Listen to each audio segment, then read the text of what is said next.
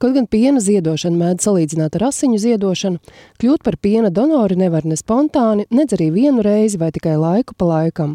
Tās ir ilgtermiņa saistības, saka Viktorija, kuru savu pienu mātes piena bankai bērnu klīniskajā universitātes slimnīcā ziedo no jau aptuveni deviņus mēnešus, kopš sava jaunākā bērna dzimšanas. Par to, kā pieņēmusi šādu lēmumu, stāsta Viktorija. Atceroties iepriekšējās pieredzes ar uh, citiem bērniem, kad uh, piens ir bijis daudz un citreiz sastrēgst, un tad uh, tas atlauktais piens būtībā netiek izmantots. Tad es izdomāju, ka uh, pirmos mēnešus es pavērošu, kā būs ar šo bērnu, un uh, tad arī vēlāk, saprotot, ka būs pietiekoši, tad arī, arī izlēmu nosūtīt. Pirms kļūt par piena donori, Viktorijai bijis jāveic asins analīzes un jāaizpilda anketa par veselības stāvokli. Kad ārsti atzinuši, ka viņa ir piemērota, ikdienā uzradušies papildus pienākumi. Jāsterilizē pudelīte, jāsavāc piens.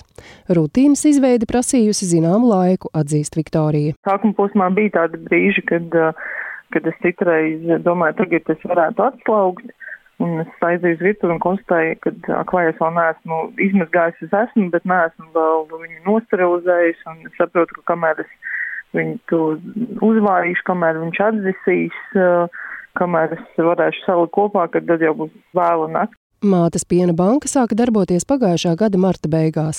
Iepriekš Latvija bija pēdējā valsts Eiropas Savienībā, kur šādas bankas vēl nebija.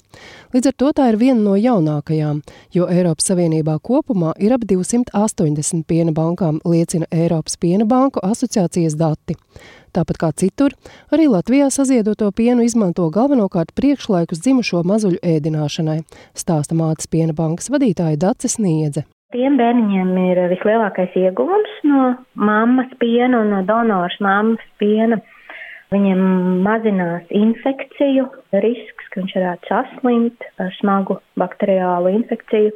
Viņiem mazinās risks, ka viņi varētu saslimt ar zarnu, iekaisīgu tādu slimību, ko sauc par nekrotisku enterokolītu. Retāk mums ir vajadzīgs donoru māmas pieniņš laikā dzimušiem bērniņiem, kuriem ir nu, kādas nopietnas vēdera operācijas bijušas vai kuriem ir nopietnas uh, iedzimtas sirdskaites, kurām vajadzīga operācija.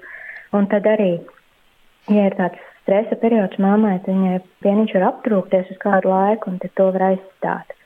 Piena donēšana ir brīvprātīga un bez atlīdzības.